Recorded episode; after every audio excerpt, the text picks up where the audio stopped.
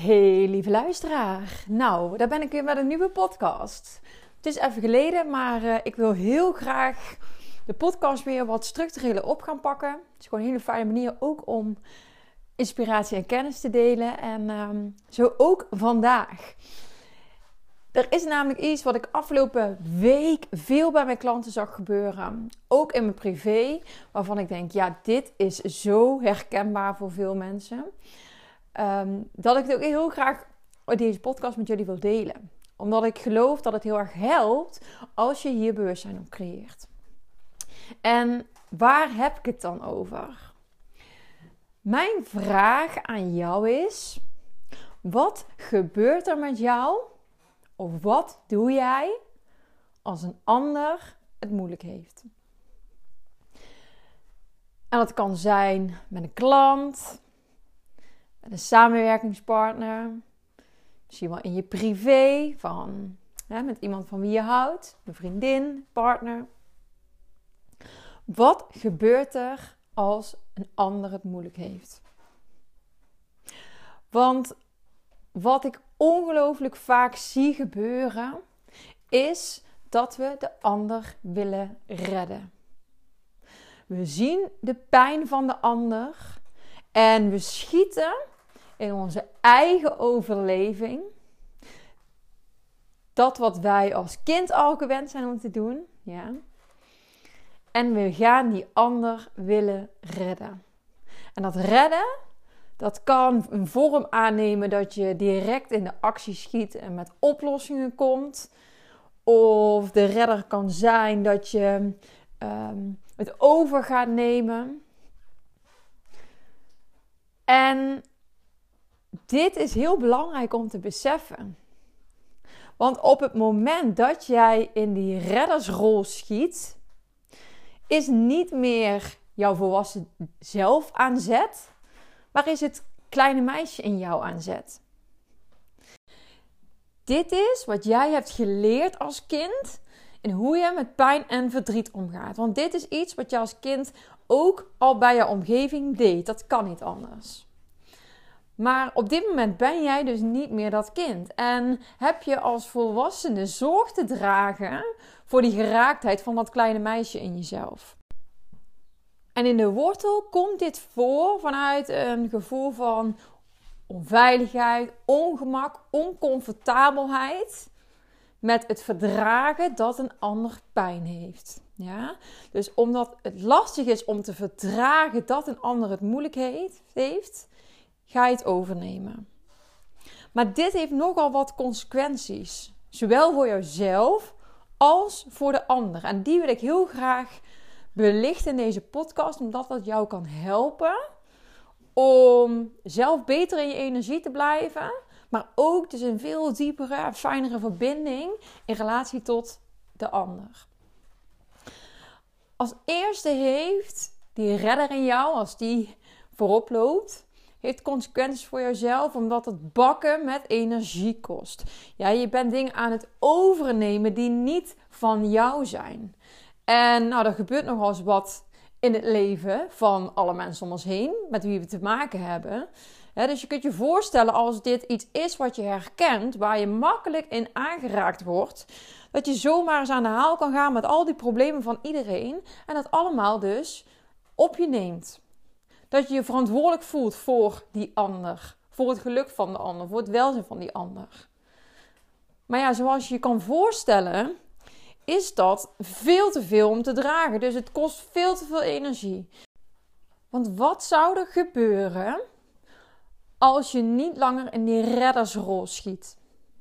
Maar dat je aanwezig kan zijn in het lijden van de ander. Dat je kan verdragen dat de ander misschien wel een zwaarder lot heeft als jij.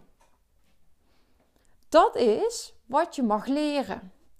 Dat is waarmee jij jezelf recht doet door niet het over te nemen van de ander, maar waarmee jij ook die ander veel meer recht doet.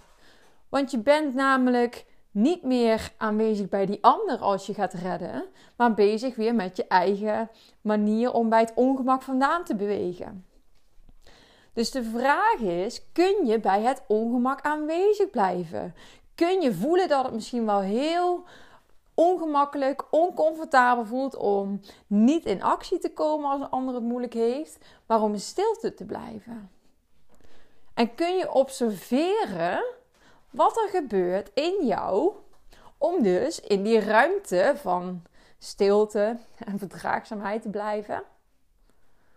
En wat dat doet. Want hoe meer je dit oefent, hoe beter je hierin gaat worden. En daarmee zie en hoor jij die ander ook veel beter. Want eigenlijk door het over te nemen of om ja, meteen met oplossingen te komen, zie je die ander niet meer. Je ziet die ander niet meer. Die ander zal zich niet gezien en gehoord voelen door jou. Terwijl jij eigenlijk ook nog eens heel hard aan het werk bent. Maar je bent niet echt aanwezig. En wat vaak vergeten wordt, is dat als mens ongelooflijk veerkrachtig zijn. Door die ander zijn lijden of haar lijden te gunnen, steunen we en zien we die ander veel meer in de potentie dan dat we het overnemen of sturing gaan geven. Dan zijn we dus niet meer met die ander bezig, maar zijn we met onszelf bezig.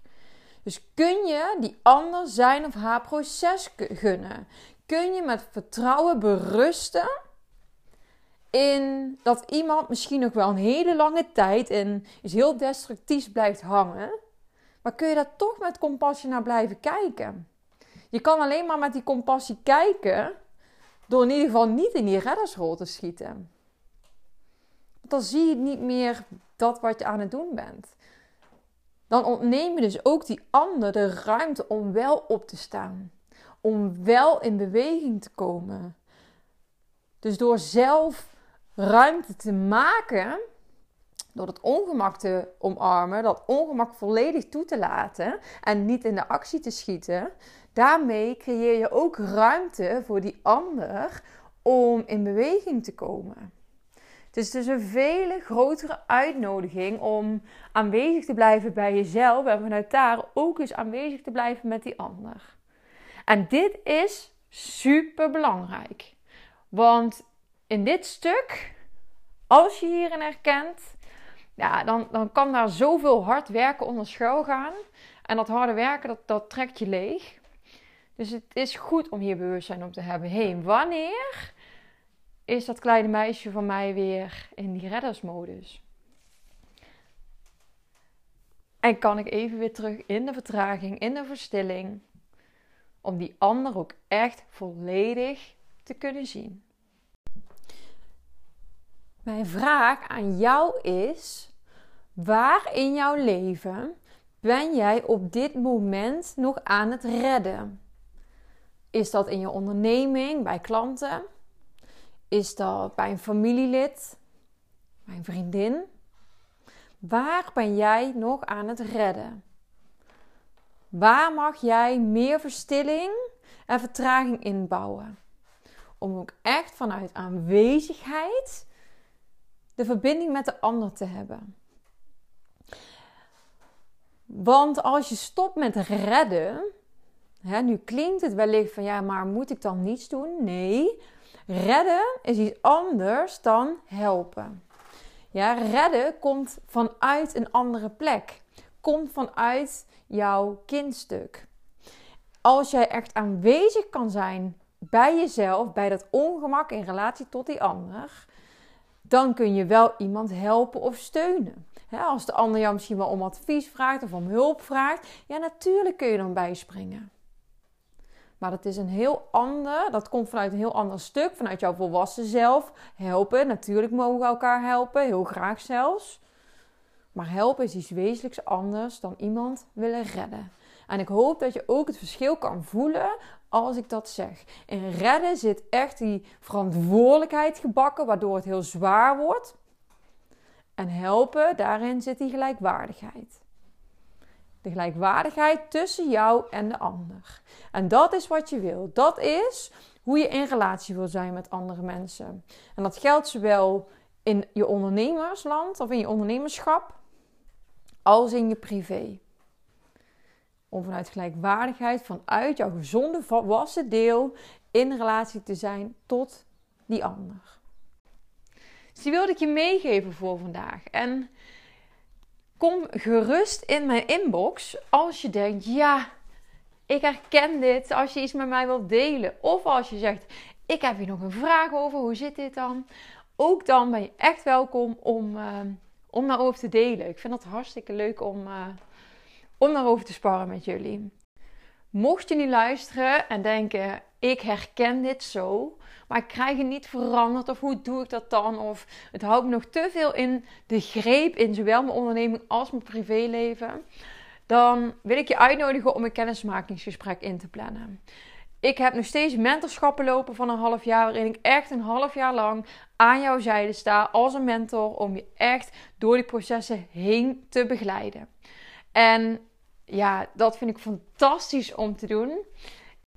En als je voelt dat je er klaar voor bent om die volgende stap te zetten, om dat fundament in jezelf veel steviger te verankeren, zodat je energie hoog blijft, zodat je ook echt vanuit die verbinding met je klanten kan werken, maar ook echt in verbinding kan zijn met de dierbaren wanneer jij niet aan het werk bent. Nou, dan kom, kom bij me en ehm, ja, dan ontmoet ik je ontzettend graag. Ik ga je een mooie dag wensen voor nu en uh, hopelijk tot de volgende keer.